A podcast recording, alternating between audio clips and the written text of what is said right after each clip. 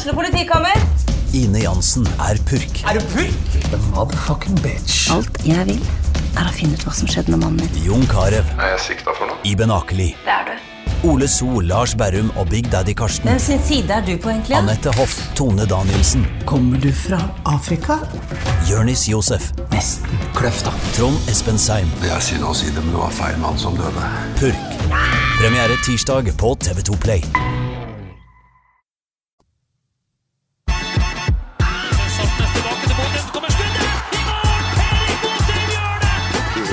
Is more difficult for us than for Bodo Blo- boys.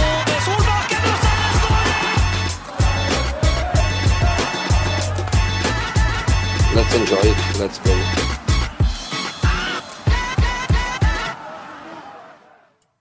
Velkommen til andre episode av Studio Glimt-podden. Dæven, det er deilig det her runga over Aspmyra i går kveld. En ny magisk kveld, får vi si. Eh, og vi skulle selvfølgelig ha begynt denne sendinga med et dypdykk i eh, Brede Moes igangsetting, Elias Hagen sin Busquets-lignende opptreden sentralt på midtbanen, eller Hugo Vetlesen sin fantastiske match, avgjørelsen rett før slutt. Men det er en stor elefant i podkaststudioet i dag, eh, og den elefanten den heter det som skjedde i spillertunnelen på Aspmyra. Natt til i dag, får vi si. Dere var der, Freddy og, og Stian. Eh, det var en situasjon som egentlig hadde bygd seg opp fra før kamp, eh, i hvert fall underveis i kampen, som Kjetil Knutsen snakka om på pressekonferansen i går.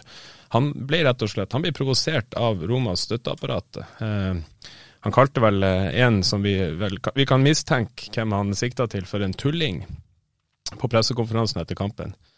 Eh, En av våre reportere som var på stadion, som sto rett bak benken til Kjetil Knutsen, eh, forteller at midtveis i kampen så var det et, eh, noe som minner om et slag mot Knutsen fra en i støtteapparatet til Roma. Det var, det var, det var tumulter, det var håndgemeng, det var aggressivt. Det var, det var ikke veldig god stemning, og det var til og med politiutrykning til slutt til Aspmyra, og, og et ja, skal vi si, et helsikes styr, Freddy. Kan du fortelle litt om hvordan dere opplevde det som skjer etter kampslutt i går?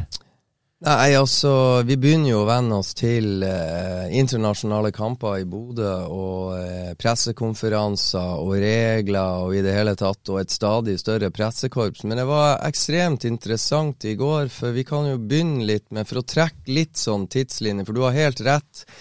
Eh, det ble jo klare observasjoner. Det er ikke bare Kjetil Knutsen som har følt på og eh, den her vreden og forsøkene på å sette han ut av spill fra Roma-benken. Det har jo også publikum fått med seg.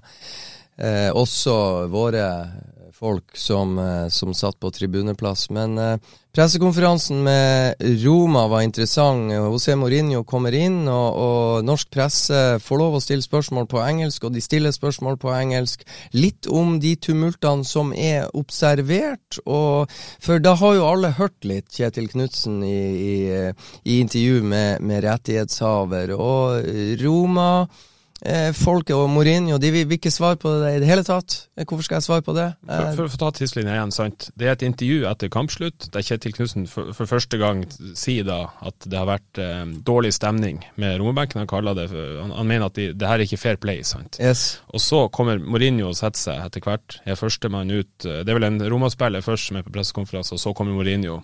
Ja. Eh, når Mourinho blir spurt om eh, hva Kjetil Knutsen har sagt, så kommer svaret kontant. Ja, det Hvorfor bryr jeg meg om hva Kjetil Knutsen sier? Ja. Du hører at det ligger et eller annet der. Ja, ja, Hvordan, jeg hvordan var Mourinho eh, i, i rommet, sånn som du opplevde? Nei, men altså Mourinho er sånn som, eh, som han alltid er etter tap. Han er alt annet enn blid. Altså Mourinho snakker med Men nå tar du det litt sånn litt ut av, av, av Men vi får ta det òg, da. Mourinho skylder på dårlig bane. Mourinho skylder på dommeravgjørelser som går imot Roma. Men jeg syns poenget er når norsk presse ønsker å få vite hva handla det om det her eh, Kjetil Knutsen antyda, vil han ikke prate om i det hele tatt. Men han prater om alt annet. Og da er det dårlig bane, dårlige dommere, Bodø-Glimt hadde ikke fortjent å vinne. Og så saga han han saga på en måte alt av prestasjoner til Bodø-Glimt i biter, og så følger han opp med og skylder på alt og alle, og så følger han opp med Bodø-Glimt er et godt lag. Next question, liksom. Men så, sånn, Der er dårlig stemning, og det er det alltid når José Mourinho sitt lag taper, og det respekterer jeg. Altså, Jeg liker det at han er fly forbanna. Det betyr at han har passion, at han ønsker å vinne. Men han er ikke noe sjarmtroll der og da. Det, det skal, skal, jeg være ærlig til å innrømme. Og det er fantastisk fascinerende å få sett og se på det. Men eh, det er flere ting som skjer. Eh, Roma eh, gjør unna sitt, og så kommer Kjetil Knutsen. Og da eh, Han vil jo ikke helt si Han sier at han føler seg provosert. Og, og at det er tydelig Han mener det er et spill satt i regi av José Mourinho, at en av de skal prøve å terge han. En av de på benken skal prøve å terge Kjetil Knutsen og sette Kjetil Knutsen ut av spill. Det er det han sier. Og så eh, begynner vi jo, eller eh, norsk media begynner å spørre hva konkret. Og så kommer han med noen eh, konkrete eksempler. Og ja, det er blitt hevda fra Roma-hold at du sa eh, fuck off. Ja, Eh, det var en incident i andre omgang, og da var jeg ganske piss. Da hadde det holdt på ganske lenge. Så da kom det kanskje en fuck off, og det syns jeg var i grunn på sin plass. Og jeg personlig må jo bare si at det er jo jeg helt enig i. Eh, skulle ha levende ha sett meg sjøl i en sånn situasjon, så tror jeg den fuck offen hadde kommet litt før. Så eh, jeg syns Kjetil Knutsen viser vilje til å prøve å beherske seg. så når Kjetil Knutsen er ferdig, og Glimt sin pressekonferanse er ferdig, da skjer det noe interessant. For de romafolkene som var satt oppe på podiet og skulle svare, Plutselig kommer det en eh, Roma-representant ut til det norske pressekorpset. Er det pressesjef? Jeg vet det... ikke hvem det er, for de er veldig mange sjefer i Roma. Det er ikke han med briller som sitter og passer på hva José Mourinho sier. Det er en vi egentlig ikke har lagt merke til. Men det er en fra teamet til Roma. Kommer ut helt alene, inn til en pressekonferanse etter at Bodø-Glimt sin pressekonferanse er over. Og da snakker vi jo en halvtime etter at Mourinho forlot Bodø. Så kommer han og er veldig nysgjerrig på hva sa Kjetil Knutsen. Kan vi være så snille å oversette? Eh, og da fikk han vite at det ikke er Mourinho han snakker om, det er assistenten til Mourinho, og at han syns det var unfair play fra han, og at han ikke liker disse tyvtriksene som en stor klubb som Roma prøver og, og iverksette mot en mindre klubb som Bodø-Glimt. Men Bodø-Glimt tar læring av dette, for sånn er det ute i den store verden. Det får denne Roma-lederen vite. Jeg hopper inn her med et par ja. spørsmål. Sånn som dere oppfatter Kjetil i går, når han snakker om den assistenten, er det da keepertrener Nuno Santos? Han, sa, han sa assistenttrener. Ja. For Kjetil Knutsen tror jeg ikke det er så lett å identifisere hvilken Han vet at det ikke er Mourinho, mm. så han sier assistenttrener. Ja. Jeg tror han har keepertreneren i sikte, uten at han er klar over per der og da at det er en keepertrener. Så det kan altså være han han snakker om? Altså. Jeg føler meg rimelig sikker mm. på at det er han han prater om, for det var én mann som fotfølte han. Det, andre spørsmålet, Dere er til stede der når Roma-representantene som du sier, veldig fascinerende kommer og skal eh, fiske i det norske pressekorpset. Hva er det som er sagt fra Knutsens side? Får han referert da eh, det at eh, han kaller han for en tulling, denne treneren? Nei, det er en sånn ganske fin oversettelse, men det som var, var det viktige Det som jeg oppdager det der Stian sitter og skriver intervjuet med José Mourinho, jeg ser at det kommer jeg ser at det skjer noe der fremme, så jeg går frem for å høre hva det er som skjer. Uh, og da får han forklart at det, vreden til Glimt sin trener var ikke retta mot José Mourinho, men det var retta mot en av trenerne til Roma. Og han syns det var unfair play av Roma, det de bedreiv der. fordi han, han sier uh, Roma-lederen fikk en forståelse av at Kjetil Knutsen likte dette dårlig. Og så går da han inn med den informasjonen. Jeg sa jo til de norske som hadde oversatt, hvorfor faen gidder dere å oversette de? De vil jo ikke svare på noen av spørsmålene våre. Jeg syns jeg var dårlig. Men, men de hadde nå valgt å svare, da. Så han går inn. Og jeg tenker det at rett i etterkant av at denne Roma-lederen går inn og kommer med oversettelsen fra det norske pressekorpset i Roma-garderoben, i etterkant av det er det et eller annet som skjer. Og grunnen til at jeg tror det For når, ganske kort tid etter at han Roma-treneren forsvinner, for han kommer, eller lederen Da er jo pressekonferansen til Bodø-Glimt mer eller mindre over. Da pakker vi sammen, og så går vi ut. Da forventa jeg at Roma-bussene For det har gått lang tid. Jeg trodde at Roma var tilbake på hotellet og spiste middag.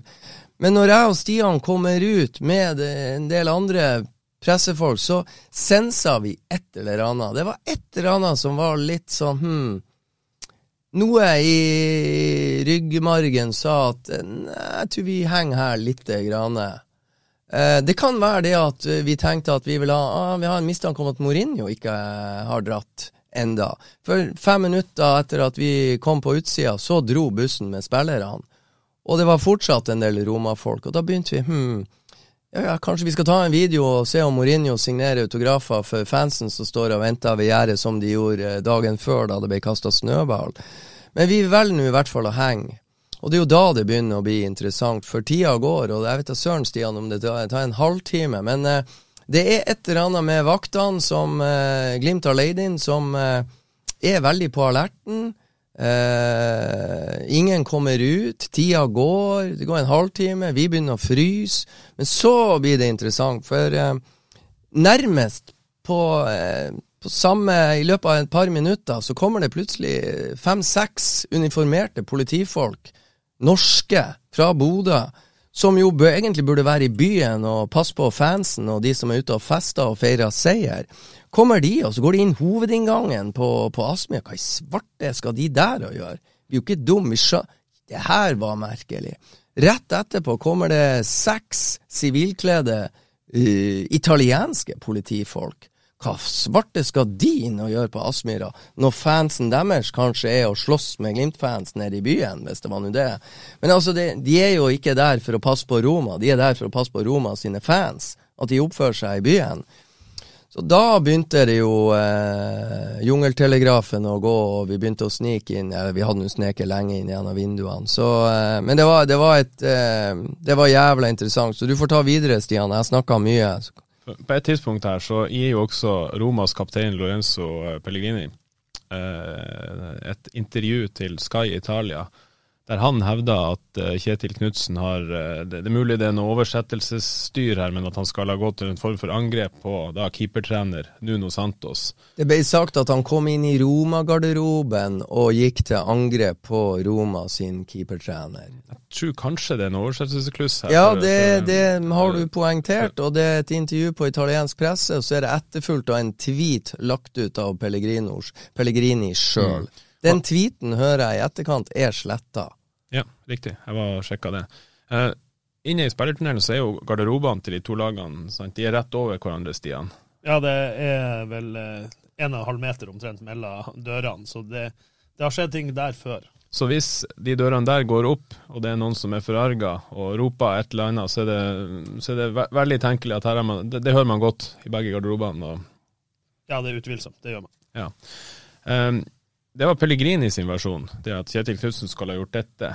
Eh, den versjonen som dere blir fortalt av, av folk som ja, har, eh, var til stede, da.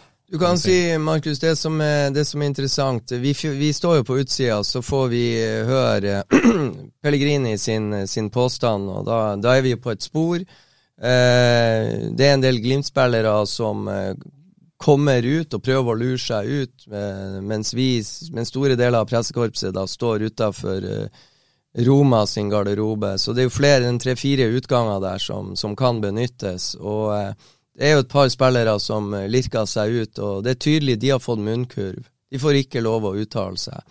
Men det er jo en del rutinerte pressefolk der, så, så litt sånn eh, info kommer det, men det er veldig vagt. Og så kommer jo da eh, Niklas Aune Johnsen og Regine Boehm ut og, og Presseansvarlig i Bodø-Glimt. Yes, og, og, redegjør for at uh, det har vært en hendelse, men det er politiet i Nordland som håndterer det fra nå. Det er det offisielle som kommer fra Bodø-Glimt. Og så uh, mens vi jakter da på å få eh, politiet i tale, og det må jeg si jeg er imponert. Det var veldig proft. Det, det, var mye som skjedde på kort tid, men eh, etter at de har fått diskutert, og de som var på stedet med innsatsleder og det hele, når de får diskutert med sine inne på kontoret, så kommer han ut og så samler han eh, samler pressekorps, og så kommer han med en eh, meget presis og interessant redegjørelse, som jeg syns han, han, han sa nå egentlig ganske mye, Stian. Ja da, han, han, sier jo det han kan si, at det, det har vært en, en eh, sammenkomst eller uoverensstemmelse. Bruker- Tildragelse, ikke det ukas, ukas nyord? Ny- nytt på nytt i kveld. ja. I, i, i, når det skjer Når det er slåsskamp i spiller eh, I det aller helligste på Aspmyra, så er det en tildragelse. Ja. ja, knuffing brukte han òg. Han, han karakteriserte det som knuffing. Ja. Eh, Er det, Stian, er det ting dere Hvordan har dere fått det karakterisert fra de dere har snakka med, som har eh, kjennskap til det, eller, og eller sett det? Nei, det er jo det er som Freddy sier, altså, at, at uh, noen sier at, eller Roma sier at det er Kjetil Knutsen angrep uh, keepertreneren til Roma, mens uh, kanskje øyenvitnene sier at det var vel heller motsatt. og På et tidspunkt så var det vel også et uh, ta tak rundt halsen på Kjetil i, i, i kort periode der. eh, eh, uten at man har får verifisert det, men det, det er jo sagt av folk som Det det er jo mye folk i den spillertunnelen. Så Så, det- er det jo sånn Uefa-regler. Det er ikke lov med kamera i spillertunnelen. Mm. Så det er ikke filma, så vidt jeg har skjønt. Nei. Og når politiet gjør sin undersøkelse, så får de jo beskjed om av representanter og involverte fra begge sider at dette er ikke noe vi ønsker å ta videre i noen politisak. Eh, og da er det jo sånn at da går saken videre og blir en da er det Uefa som får den på sitt bord, det blir en disiplinærsak. Og så, eh, så vil jo det, det være en prosess i Uefa videre, der man skal eh, på en måte prøve å, å finne ut av hva som har skjedd, går vi ut fra, og, og prøve å konkludere med hva som blir følgene av det. Eh, for jeg spør dere to, eh, eh, tror dere Kjetil Knutsen har angrepet en Roma-trener? Nei, det vil overraske. Altså, han, han sier jo på pressekonferanse at han klikka et par ganger underveis i kampen, så Kjetil har temperament. Det er det ingen tvil om, men jeg har aldri opplevd at han har gått fysisk til angrep til noen, og vi har sett han passe forbanna på trening et par ganger, i hvert fall. Så eh, Jeg syns eh, at Kjetil klikka underveis i kampen Setets halvveis ute i andre omgang og ber eh, en fra Roma-benken om å fuck off. Det syns jeg rimer veldig. Eh, på pressekonferansen, når vi slipper til, så har han fått tid. Da er han ganske rolig, han er lugn, han var i godt humør, og han flira ironisk av seg sjøl når han på en måte kom med innrømmelsen at det var en uh, fuck off, det er kanskje ikke så pent å si, men eh, ja, det var vel noe i- der i lende Jeg var, ikke, sa. jeg var ikke helt uskyldig sjøl, og, og så flirer han godt. Ja, og det, det er sånn at uh, da er han i balanse, og en Kjetil Knutsen i balanse rimer det overhodet ikke med. Altså at han skal forlate pressekonferansen der og gå rett inn i garderoben til Roma og angripe en trener, det har jeg veldig vanskelig for å tro. Og så er det sånn at jeg har fått hørt at Eh, Det er snarere tvert imot. Det er Kjetil Knutsen som er blitt eh, angrepet. Det er blitt tatt angivelig et kvelertak på han. Det er ikke bare én trener som går til angrep, det kan være snakk om tre. Det er det som sies, altså la oss kalle det word on the street, da. Og det er ikke bare jeg som har fått eh, høre det fra enkelte som satt bedre plassert enn meg.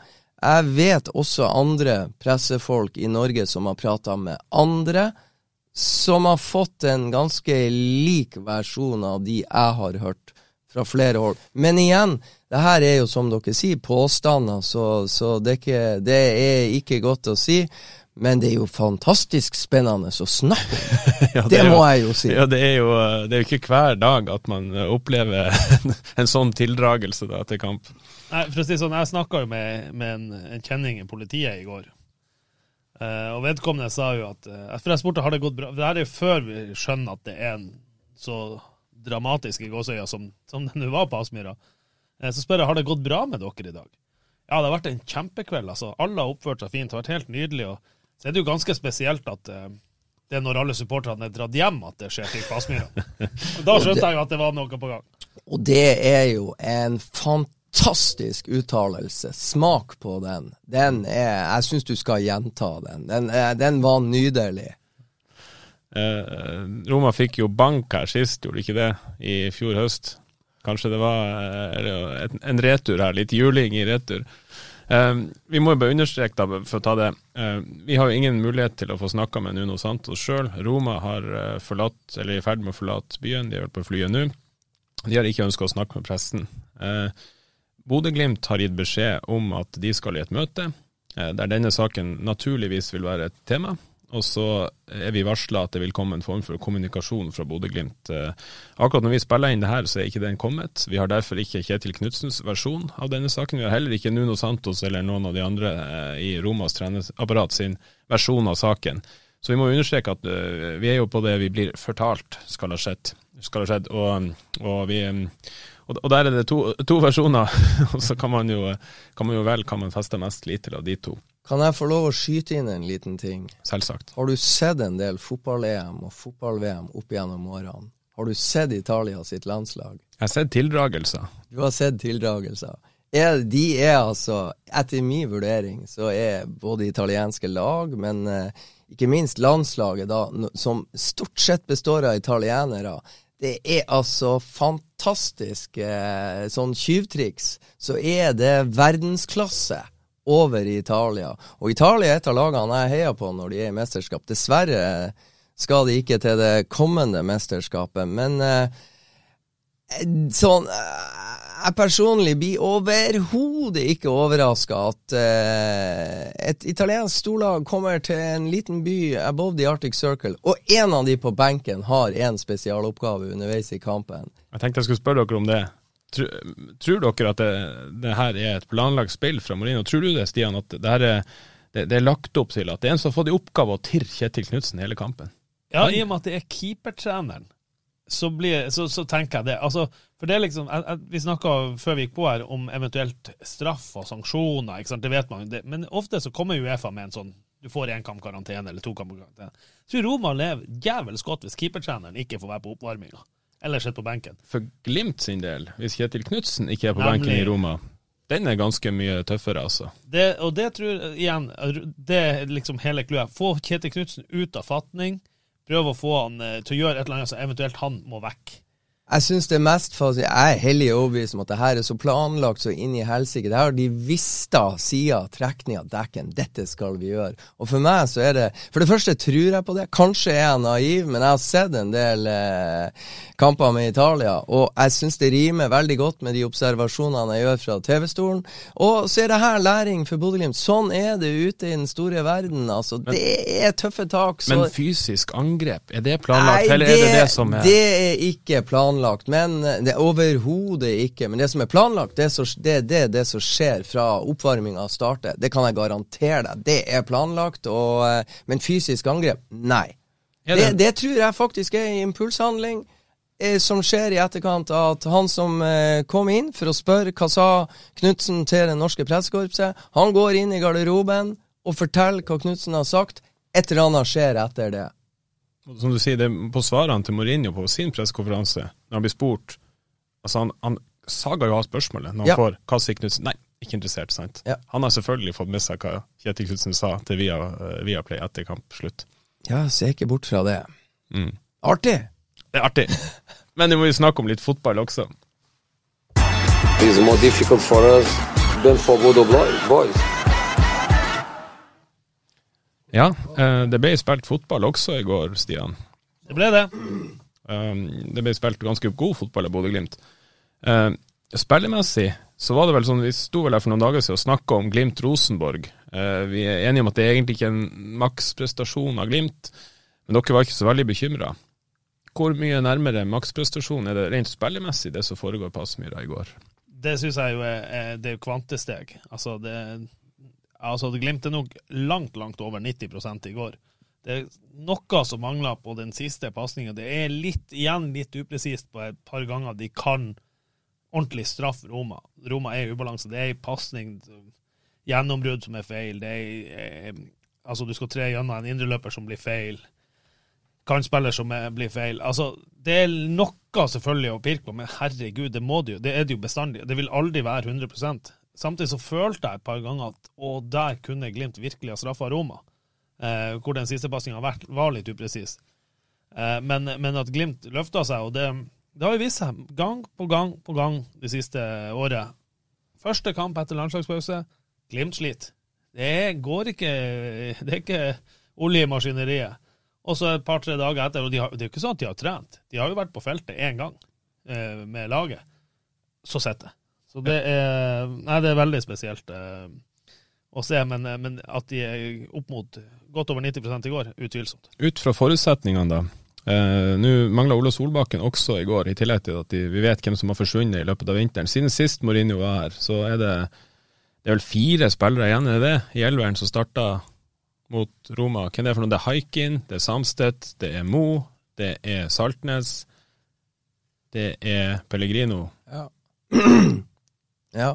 Fem spillere. Fem spillere. Nei, altså, jeg kan bare si én ting. Jeg har sagt før at hver gang jeg setter børs, så blir det feil. Og hvis jeg skulle sittet børsen i dag, så er spørsmålet at jeg hadde løfta alle ett hakk opp i sum, eller to. Sett i den konteksten at uh, det er en, en, historisk kvartfinale på et fullsatt Aspmyra. Stian har rett. Uh, det er en del skjønnhetsfeil underveis. Det er en del muligheter eh, Glimt-spillerne ikke klar og Altså, Ulrik er i god posisjon et par ganger. Blir litt sånn småstressa og er ikke sånn som han eh, Gjør ikke det valget som han gjør når han er i superform, hvor han bare gjør det instinktivt riktig. Hugo Vetlesen kommer ned og treffer ikke helt på et innlegg. Eh, Elias Hagen blir litt borte i perioder. Eh, Alfons Samsted plutselig, etter å ha vært fantastisk i 30 minutter, så kommer det en sånn femminuttersperiode hvor han gjør et par feil. Brisveen Bangomo sin touch er jo kjempespennende hver gang. Fire ganger så, så er det silketouch, og så kommer det en liten sånn eh, kraftdemping. Så, så, eh, det som jeg syns er mest spektakulært med det her, det er det jeg syns seieren er fortjent. Jeg syns Glimt er uhyre god og plager et, Altså, de plager det laget som er på en måte formlaget i Serie A. Du kødder faen ikke med formlaget i Serie A. Så, så jævla dårlig er ikke det nivået der. Og, og eh, Bodø-Glimt bølger over, og de er nært så mange ganger. Jeg syns Roma blir mindre og mindre farlig. De hadde et skudd fra Pellegrini fra distanse som Haikin redder. Og så kom de vel ikke på noe farlighet. Og de, de har vært fantastiske på dødballer, Roma. Og de hadde mange cornerer mot Bodø-Glimt. Det var ikke én av de som, eh, som, var i nærheten å bli mål. Så det, det er uhyre mye som, som imponerer meg med Bodø-Glimt. Men det som er kanskje vi, ja, de var bedre enn Rosenborg, men det som er fascinerende, det Glimt-laget her kommer til å bli bedre, og antageligvis mye bedre, enn det de viste mot uh, Roma i, på torsdag. Jeg har to påstander til dere, som dere skal få lov å mene noe om.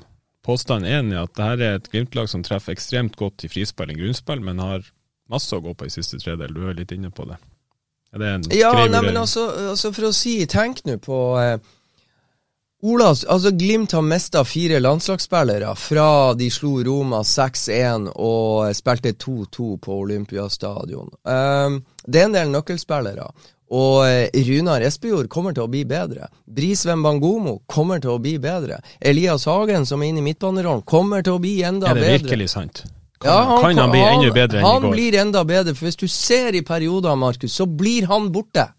Han blir helt borte, og han må lære seg til når han blir borte, så må han på et eller annet vis finne en sånn der måte som gjør at han kan få ballen litt lettere av Brede Mo. For Brede Mo er så god, så når, når, Elias ikke kommer helt inn i det, så må han bare gjøre en avtale med Brede Mo. Brede, nå går jeg hit, og så dytter du til meg. Så skal jeg gjøre noe genialt. Han har ikke råd å bli borte så lenge, for når han blir borte, så er han ikke en kraft verken defensivt eller offensivt. Så ja, han har heldigvis noe å gå på. Eh, og så er det da Ola Solbakken, mannen som skåra Altså mannen som både Mourinho og alle Roma-fans i hele verden frykta mannen med motorsykkel. Så kommer altså et, et skaderamma eh, Bodø-Glimt. Altså, de har fire utespillere egentlig på benken. Så må de sette inn Gilbert Komson. I sin første, første kamp, I sin første kamp fra start han får kanskje vite det på kampdag at Ola ikke kan spille. Så inn med Gilbert foran 8000 tilskuere. Elektrisk stemning.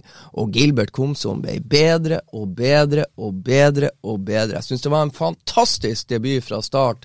For en som vi ikke har vært i nærheten, Stian, å se så god som han var i går på trening, og gjør så mange riktige valg så ofte. Nei, han hadde, han hadde Vi, vi har jo snakka om det, at han var ordentlig på gang på slutten av treningsleirer i Spania. Ja. Ordentlig. Da, var han, da hadde han litt sånn glimt av det vi ser i går, uh, utover i kampen. da.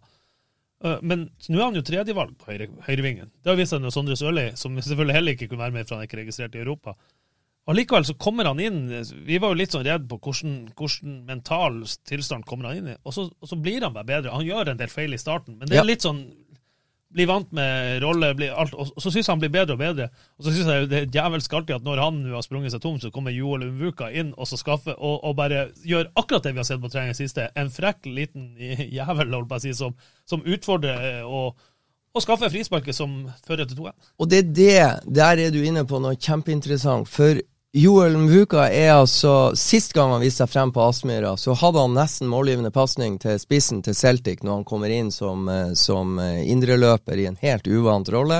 Selv om han har spilt en del eh, indreløper på trening i, i Spania når vi var der. Men, men det å se Joel Mvuka kommer inn her i ei sånn setting som det her, og, og tar over den flotte jobben som Gilbert Komson har gjort, før, frem til Joel kommer inn. Og det i en sånn kamp som det her, mot et toppskjerpa Roma, gå fremover, satse fremover i den ene aksjonen som han, som han hadde, og skaffe det frisparket. For da, der gjør han det, eh, det han gjør på sitt beste på trening. Når han går fremover og setter fart og skrur på turboen, da har de trøbbel.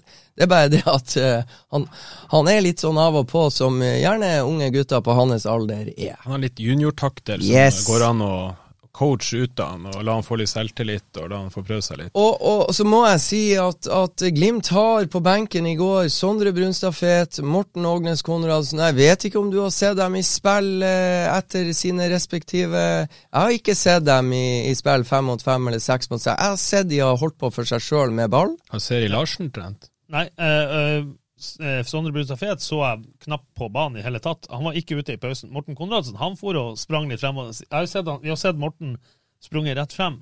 Ja. Altså Det er 14 dager siden gutten ble operert. Nå. ja. Det er 14 dager siden. Han var på benken i går, og han var klar til å spille. Altså så, sånn i, Jeg synes jeg så det i, på i, eget, ja, Ja, I eget hode var han ja. klar til å spille. For han har sprunget mye og fort, utholdenhetsmessig, rett frem etter operasjonen. I går så jeg at han begynte Han fikk eh, Jeg tror det var Seri Larsen han ba, fikk han til å slå pasninger han måtte sprenge sidelengs. Og det er jo en Jeg så noen Cruyff-vendinger, Ja. og noen knær der som var i Holdt, holdt på nok å teste han litt der. Så, så at Morten, takk eh, F for det, at eh, han er nok med og, og kan byttes inn. Han begynner, å- han begynner å nærme seg, men, men min lille mistanke i går er at det at uh, Jaffet Seri Larsen, Morten Ågnes Konradsen og Sondre Brunstad Fet er på benken, det er lettere kosmetisk for å pynte på et dommerkort. Og da kan vi smake på hva er det Glimt har på benken. De har Sigurd Kvile, Lasse Nordås, Joel Muka og Victor Victor. Boniface. Og Joshua Smiths. Og Joshua Smiths. Men fire utespillere. Sant? Og de har jo hele lagdeler. Hvor mange midtbanespillere? sant? Hvor mange midtbanespillere var det der? Det var tre angripere og én eh, midtstopper. Så at Bodø-Glimt vinner 2-1 med dette utgangspunktet i klubbens største kamp ever, Nei, det er, om man vil det eller ikke, det er en enda større prestasjon enn eh, 6-1-seieren over Roma i eh, oktober i fjor. Og merkelig nok, det er to lag Mourinho har møtt tre ganger og, uten å slå. Eh, Det ene, er, det ene er Jeg sa tre ganger uten å slå. Han har møtt Bodø-Glimt tre ganger. Han har ikke vunnet én gang. Og Real Madrid. Nå gir du meg nerver før den returoppgjøret på skjærtorsdag. Jeg, men jeg, kom, jeg kommer ikke til å tørre å se er- kampen. Jeg er klarer ikke å se kampen. Det her er fakta. Det er, det, men smak på det. Jeg lover dere to påstander. Vi blir jo så jævlig ivrig. Nei, jeg- du blir ivrig. Jeg blir kjempeivrig. Jeg er kjempeivrig. Men jeg har en påstand til. Um, Roma har jo utvilsomt individuelle kvaliteter av høyeste nivå. Det så vi jo på skåringa. Det er jo en helt fantastisk skåring av Roma. Flikken fra Mkhitarian med Keiva og avslutninga til Peregrin. Det er jo en vanvittig skåring. Men Bodø-Glimt på maksnivå har mer inne enn Roma på maksnivå akkurat nå. Det er min påstand. Er dere enige eller uenige? Kjetil Knutsen sa vel at eh, kollektivet slo individualistene. Ikke jeg så god i norsk, men eh, det sa han vel på pressekonferansen i går, og det, det syns jeg jo vitner og backer din påstand. Altså, laget Bodø-Glimt, samhandlinga, den altså familien, altså det, det der å stå på samme eh, side av tauet og dra i nøyaktig samme retning, Der er Glimt mange hakk over Roma. Så har de bedre spiller for spiller, ja. Men, men hvis, hvis, begge treffer maks i Roma skjærtorsdag, da hevder jeg at da vinner Bodø-Glimt. Er du enig i det? Tja. Freddy? Nei, men det kan fort bli 1-1 da. okay. Og det er nok. Det holder massevis. Hvis, begge treffer maks. Men jeg tror, jeg tror forutsetningen for at Roma skal treffe maks, er veldig mye større enn forutsetningen for at Bodø-Glimt skal treffe maks. For her er, her er spillere som er på tannkjøttet eh, fysisk, og som er under ekstremt tøff eh, belastning. Og de har en mye, mye, mye, mye mindre fyldig tropp uh, og skyts å sette inn. Uh, hadde Bodø-Glimt kunnet stilt med eliteserietroppen sin i Roma? Det kan de ikke. De har jo en fire, fem, seks spillere de kunne ha pælma inn i troppen. De får dessverre ikke lov til det pga. regelverket, så eh, jeg tror på en maksdag på gress eh, i, eh, i Italia, så tror jeg Roma vinner. Men på en maksdag på kunstgress i Bodø så kan uh, dette Glimt-laget egentlig vinne 4-0 over Roma. Og da sier jeg på en maksdag. Ja, vi har jo, det kunne, vært altså Det var en del situasjoner i går der de spiller seg gjennom midtbanen til Roma. Det er ganske åpent. som Altså Det er ganske nært at det blir et par skikkelig feite situasjoner til der. Og det er jo sånn, Vi skryter veldig av Gil Gilbert Komson med, med rette, men Ola Solbakken er jo raskere. Så det er et par gjennomspill der som, som Ola i, i tipp topp shape eh, nok hadde fått en større sjanse Kanskje mer direkte òg. Ja. ja, og så er det en annen ting. Jeg syns uh, Gilbert var fantastisk bra, men så, så var det da én ting som mangler, som Ola Solbakken har en tendens til å ha, og det er sluttprodukt i aksjonene. Vi ser jo det at Gilbert plager denne, eh, denne Salewski, som har fått ekstremt god kritikk i Italia, og, og, og roses opp i skyene for den eh, for den eh, formen som eh, Roma har for tida, og han ble jo parkert ganske kraftig. og det var noe Jeg ble imponert av timinga og teknikken og frekkheten til Gilbert, men selv om jeg lot meg imponere, og at Gilbert var fantastisk bra til å være en debut, så var det intet sluttprodukt der. Eh, det kan godt hende at det sluttproduktet hadde vært der hvis Ola Solbakken hadde vært der. Og det er ikke for å trekke ned Gilbert, altså. Det, det kan godt hende hvis dette har vært uh, Gilbert sin femte kamp fra start i, i, år, så kunne det godt hende at det sluttproduktet er der. For det, det er jo noe med å, å, være i de situasjonene gang på gang på gang på gang. Og ikke minst eh, for medspillerne å lese hva, hva, Gilbert gjør, og for Gilbert å bli vant til hvor er det medspillerne ønsker å, å være i boks, når det, når det, er så små marginer som det er på dette nivået. Jeg må si en annen ting òg. Eh, atmosfæren på Aspmyra i går 8000 uh, stappe fullt. Det eneste som ikke klarte å fylle sin seksjon, var vel Roma-supporterne. Men det, det, var, det, var, mektige greier, altså. Uh, hvordan opplevde dere det, og hvordan, hvordan opplevde spillerne det der, altså? Nei, det, altså, jeg fikk frysninger da jeg, jeg var på Aspmyr i går, og det var, det var helt Det var så fantastisk bra. Altså, det kommer folk eh, der vi satt ute, så kom det en, en helt, ikke supporterklubben, men en helt vanlig mann i gata kommer inn på tribunen, og så bare snur han seg, så ser han rundt seg, så begynner han å rope én, to, tre, dæven, det er deilig, det her? Altså, han bare dro med seg hele, hele gammeltribunen, og den nye delen på gammeltribunen også. Det var fantastisk, og, og selvfølgelig går det utover spillerne, altså de påvirker seg. Ja, eh, det var jo Det spruta virkelig av Glimt-guttene. Eh, det er jo det, det, er vel nesten solgt ut, er det ikke det, i returoppgjøret. Det er solgt over 70 000 billetter ved sist, sist info på Stadio Olympico, som tar 80 000 ca. Uh, jeg, mistenker at jeg vet svaret. Kommer Glimt til å la seg affisere av stundens alvor? Nei, de kan komme til å la seg affisere av italienske tyvtriks og forsøk på å påvirke dommeren, men Glimt-spillerne er, er, er, mentalt sterkt. Og, du kan si det å få lov å oppleve det trøkket som 70 000 på Stadio Olympico gjør, det har jeg vært så heldig å oppleve når eh, Francesco Totti spilte for, eh, for Roma. Det er en magisk opplevelse også for de som står på motsatt banehalvdel, og opplever det trøkket. Så jeg tror det kommer til å inspirere Glimt-spillerne eh, vel så mye altså, som, som de inspirerer Roma-spillerne. Og tilbake til Aspmyra i går, det, det var nesten det, altså det, det støynivået på Aspmyra tror jeg føltes ganske mektig også for disse Roma-spillerne som, som er vant til å å få det. For på Stadio Olympica så er det mye større avstand fra tribunene. Lyden kommer hardt, det, eller er, er, massiv der, men, men her i Bodø med 8000 så kommer du så, såpass tett på stadion at, at, jeg tror ikke det her står tilbake for uh, 20 000 på Lerkendal, som også er fantastisk stemning. Og, og Marius Høybråten sa det på, på pressekonferansen etterpå. Han har aldri opplevd maken til trøkk. Og ikke minst det her opplevelsen spillerne får med den nye tribunen. At, mm.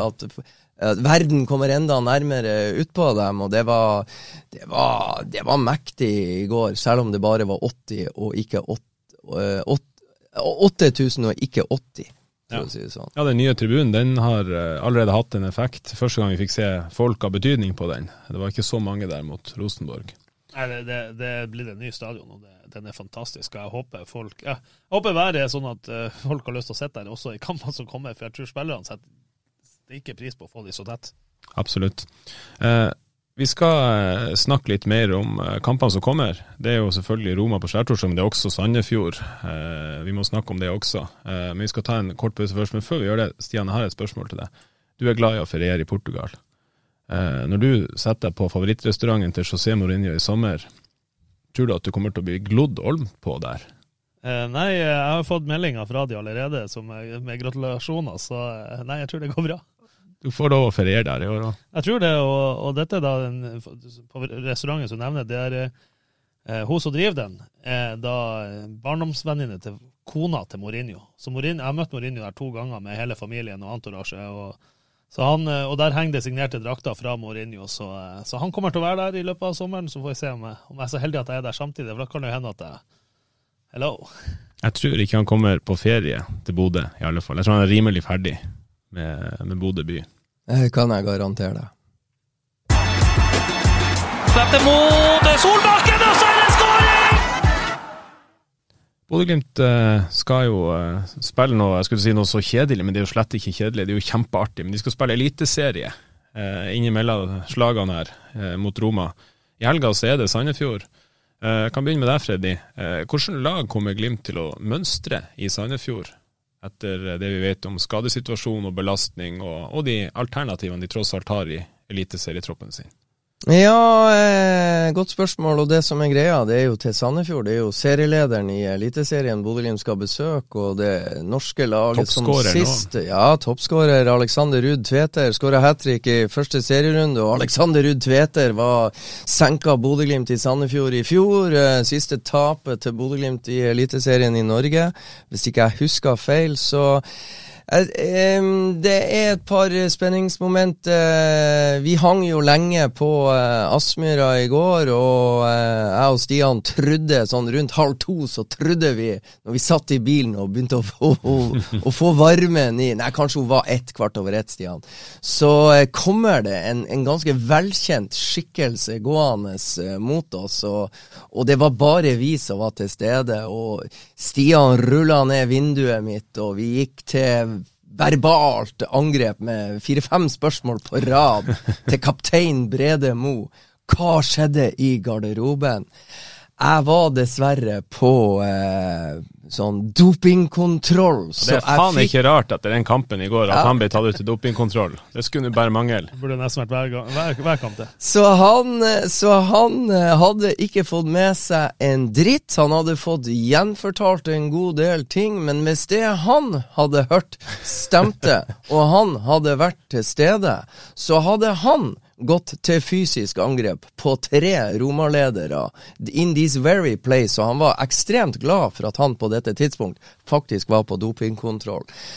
Eh, han pådro seg en, eh, ei lårhøne, og der og da, det er jo med lårhøne, de kan jo, de kan jo virkelig bite i dag. Eh, litt mer enn de gjorde i, i går, når adrenalinet kanskje fortsatt er, er, litt i musklene. Så han var litt usikker for uh, søndagens kamp, men han følte vel at Roma-kampen skulle være mer eller mindre innen rekkevidde. Det var hans dom der og da. Støtskade, det er ikke noe vridninger, det er ingenting sånt. Lårhøne. Det var, det var jo hælen til uh, Nikita Haikin som rett og slett uh, small i, uh, i Brede. Også, og, og, det er jo sånn Det må ha vært bra vondt, for som du sier, lårhøne, du har adrenalin, du er varm, og du må ga banen. Jeg tenkte det når han lå nede der. Det er jo ikke en fyr som bruker å ligge nede, med mindre det er en, en saftig karamell, altså. Og, og, og alle som hadde lårhøne, vet at den kan sette i litt kraftig. Og når du da blir kald ja, Jeg frykta den der litt, det må jeg innrømme. Ja, Nå skal jeg jinx dere begge to, Nei, for jeg leser, eh, jeg leser eh, Marius Lode. For du sier lårhøne, vi skal ikke kødde med ei lårhøne. Marius Lode var jo ute i et par måneder med, Mm. med lårhøne. Det er spillere som har vært ute enda lengre enn eh, to måneder med lårhøne, for de kan være hyperkraftige. Men jeg syns på en måte Brede Mo så lett i steget, for det, vi så ikke at det var Brede Mo. Men det var elegante bevegelser i mørket, og så jo nærmere og nærmere han kom bilen, så sa jeg det er mektige Brede Mo. Jeg syns, ikke, jeg syns han halta mindre. Hadde han, eh, jeg må spørre, hadde han med seg Tammy Abraham i baklomma fortsatt? Ja. Var han der ennå? Ja. Han lå og sprella i bakrommet, og, og, og Brede Mo var klapsa han et par sånn når vi stilte våre spørsmål. Ikke forstyrr, jeg skal svare pressen. Men, men du er sikker, eller du tror at Brede er med i Roma? Nei, det, det jeg tror Jeg tror ikke For dere har helt rett. eh, Men jeg, jeg, jeg tror ikke det er på nivå med den smellen som Marius Lode fikk i duell med Nikita Haikin vel etter et minutt eller to. eh. Nikita hver gang. Ja, det, men sånn er det med kompromissløst. Nei, men jeg, jeg, jeg tror Det var eh, offside òg. Jeg tror han eh, det, det kan godt hende at begge kampene ryker. Jeg tror ikke Roma-kampen ryker, og, og eh, jeg føler meg rimelig sikker på at de ikke er på nivå med Det er noe med den operasjonen av Haglunds hæl der som har eh, fått Brede Mo Han er jo fremstår som han er 19 år, men med rutiner til en 30-åring. Eh, andre, eh, Ola Solbakken var ute, syk.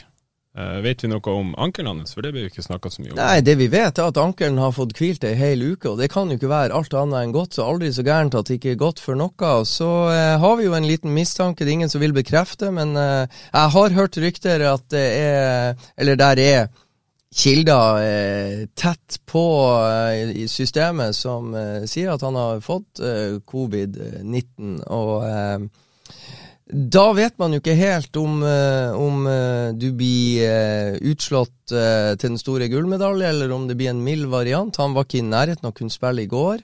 Det betyr at det blir et spørsmål om han spiller i Sandefjord, men jeg tror det er gode muligheter for at han kan gjenskape magien fra Stadio Olympico på skjærtorsdag. Ja, det, det sa de også på pressekonferansen, for det var jo selvfølgelig spørsmål om, om Ola. og De hadde et håp eh, om at han skulle kunne være med og bidra i går, enten fra start eller på benk. Det klarte han ikke. Eh, Kjetil sa at eh, kanskje kommer søndag for tidlig, men et veldig stort håp om at han er med på, på torsdag.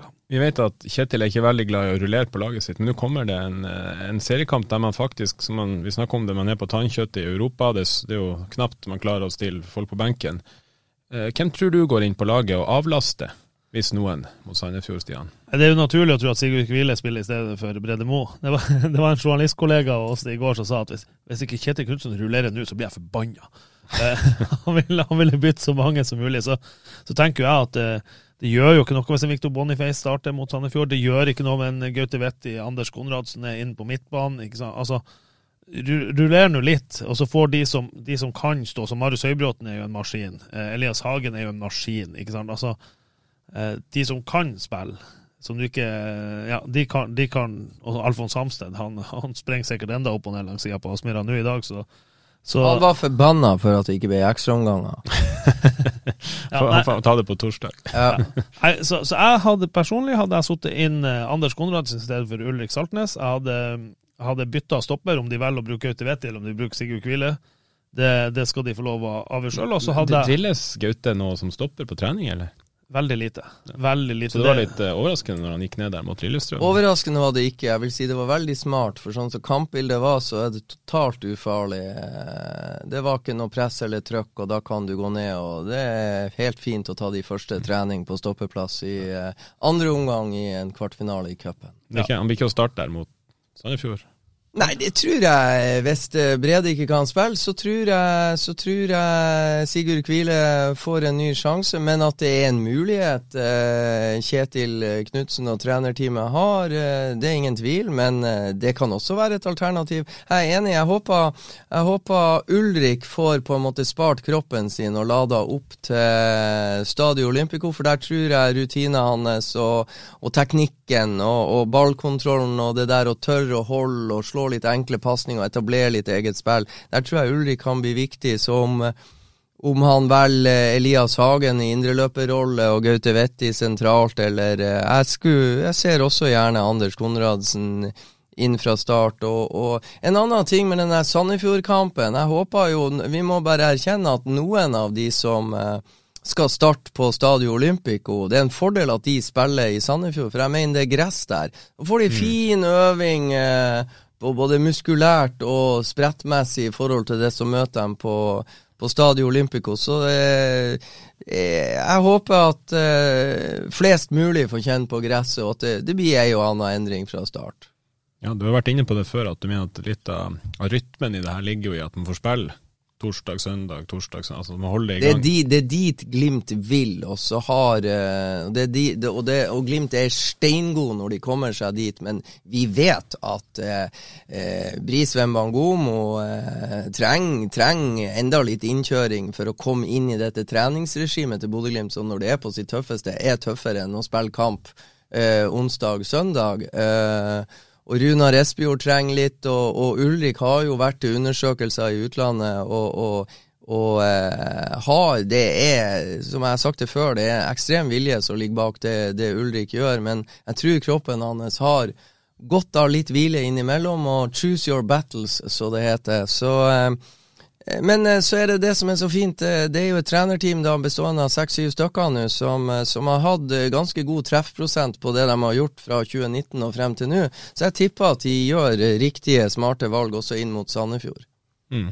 Eh, er det bare jeg som er litt nervøs for bananskallmuligheten i Sandefjord? Det er jo et ekkelt lag å møte. Det er, det er ikke noe dårlig lag. Jeg, jeg, jeg, var der i fjor og så, så et Glimt-lag uten energi tape taper 1-0. Eh, så nei, det er ikke bare du som er redd for det. Og, men klart, i år er det jo serielederen man besøker, så, så, det er kanskje, kanskje ikke så stort bananskall i år. Og så eh, velger jeg å være litt uh, optimistisk. Jeg har, uh, jeg har, respekt for Sandefjord. Det er et lag Bodø-Glimt alltid har slitt med. De sliter mer med Sandefjord enn en del andre lag selv på sitt aller, aller beste. Men uh, det er et par ting som jeg er opptatt av. Det er at Bodø-Glimt fikk en kamp mot Rosenborg. De fikk en kamp mot Roma. Hvis man husker tilbake til i fjor, så på kamp tre i en sånn tøff kampperiode, da var Bodø-Glimt ganske god. Og jeg tror Sandefjord skal være steingod for å å slå uh, dette Glimt-laget. For jeg tror det kommer til å være en, uh, en kraftfull utgave av Bodø-Glimt som møter opp uh, i byen der søstera mi bor. Nemlig. dagene frem mot Roma-returen, da. Det er kamp på søndag mot Sandefjord. og så reiser Glimt rett til Roma. Ja, Bodø-Glimt drar lørdag til Sandefjord, så vidt jeg har blitt fortalt. og så er det selvfølgelig kamp søndag. Mandag er det charterfly fra Torp til Roma. Tirsdag skal de trene i Roma på, på gress. Trener de? Ja, Motstanderunderlaget for kamp? De skal i hvert fall, eh, i hvert fall eh, ha en walkaround. det, det er vel mest reservene som trener tirsdag, da. Eh, onsdag blir det jo som vanlig ei lett, eh, grei økt på eh, Stadio Olympico altså, og pressekonferanse, og så er det match torsdag. Så er det mm. charter hjem til Bodø på fredag. Fri lørdag sikkert, rolig søndag og Vålerenga mandag. Så det, det går slag i slag. Jeg er livredd for at han Freddy skal begynne med den jinxinga si igjen, så jeg gidder ikke å spørre hva resultatet blir i Roma. Men for å spørre dere, hvordan kampbilde får vi se i Roma? Jeg tror vi får se et, eh, et kampbilde som, eh, som, er ganske likt. Altså, Roma imponerte meg faktisk eh, på Stadio Olympico, for de har noen spillvendinger som Bodø-Glimt sleit kraftig med eh, før pause, hvor, hvor de forskjøv litt for mye. Eh, Alfons trakk litt for langt inn. Eh, Fredrik André lå litt, eh, litt for langt inn mot stopperne. Så når disse spillvendingene kom, så, så, kom Roma med kraft og fikk eh, slått veldig mange innlegg, som da eh, Brede Moe og Marius Lode rydda ekstremt godt opp i. Så jeg tror det blir et litt sånn lignende kampbilde. Og jeg tror nøkkelen for Bodø-Glimt er at de i like stor grad som de gjorde forrige gang de møttes i Italia, at de tør å spille sitt eget spill. At stopperne tør å ta med seg ballen, finne midtbanespillerne. At midtbanespillerne ikke står og gjemmer seg, men at de er spillbare, sånn at Glimt klarer å etablere litt eget spill. Det er de avhengige av, for de kan ikke stå og gjøre som Rosenborg altså forsvare seg i, i 90 minutter. De er nødt til å komme seg over og holde ballen litt på Roma sin halvdel også. Jo mer de klarer det, jo mer øker sjansene for Bodø-Glimt. Men det blir en jækla tøff kamp, det skal ingen være i tvil om. Stian, hva gjør José Mourinho annerledes i inngangen, rent taktisk, enn han gjorde på Aspmyra?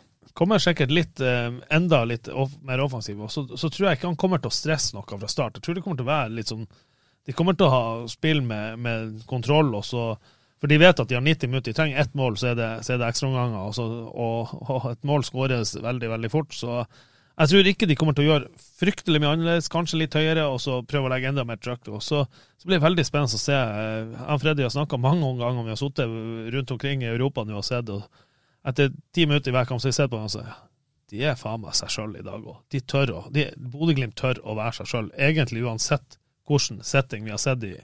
Og, og eh, ja, det, ser, det, det, regner jeg med, og det tviler jeg ikke et sekund på at de kommer til å være også i, i Roma. Og så er det sånn, det er helt klart at, at uh, alle Roma-spillerne har jo snakka i uka at vi hater det her kunstgresset. Så det er noe med det er noe med det mentale på, på overbetalte fotballspillere som ikke er like bra på, som det er på litt mindre betalte fotballspillere fra et kollektiv i en fiskelandsby oppe i nord. Så det er klart, den her uh, det som de eventuelt mangler på Aspmyra, mentalt sett, den boosten har de inn mot uh, hjemmebane og 70 000-80 000 hjemmetilskuere. Forhåpentligvis så er det jo noen Lazio-fans som har vært og sneket seg til billett og kommer inn med sine Bodø-Glimt-skjerf for å hjelpe Glimt-fansen. Det skal du slett ikke se bort ifra. Så det kan jo hende at Glimt-fansen får litt drahjelp fra italienere. Én ting er i hvert fall sikkert. Det kommer til å være eksplosivt på Stadio Olympico. Det, det, er ikke godt blod mellom Bodø-Glimt og Roma akkurat nå. Eh, Tenk deg det. Uh, José Mourinho har hatt uh, noen lag han hater. Nå er Bodø-Glimt på hatlista til Mourinho. det er oppe der med Barcelona i Real Madrid, ja, ja, liksom. Ja. ja. det er helt fantastisk. Liverpool og hvem? Lazio Nei, nå er det Bodø-Glimt fra lille Norge. Smak på den. Kanskje han skal få siste ord, José. Han sa vel 'There's only one match that matters'. Is more difficult for us than for Bodo Boys. Ukens annonsør er HelloFresh. HelloFresh er verdens ledende matkasseleverandør og kan være redningen i en travel hverdag. Mange av oss har nok vandret i butikken både sultne og uten en plan for middagen, som ender med at vi går for de samme kjedelige rettene gang på gang. Middag burde være dagens høydepunkt. Som Hello Fresh kan du nå velge mellom 25 ulike retter hver eneste uke, eller få Hello Fresh til å sette sammen menyen for deg. Dette gir deg muligheten til å prøve nye og spennende retter alene eller sammen med familien. Du velger antall porsjoner og får alt levert på døren på et tidspunkt som passer for deg. Oppskriftene er enkle, og maten er lett å lage både for store og for små. Ved å få alt levert hjem får du også mer tid til å dele matgleden med familie og venner. Kanskje det frister med asiatiske tacos eller greskinspirert kylling? Da kan jeg anbefale deg om å gå inn på hellofresh.no. Her kan du bruke koden FOTBALL og få opptil 1779 kroner i rabatt på de første fem matkastene hvis du ikke har prøvd HelloFresh tidligere.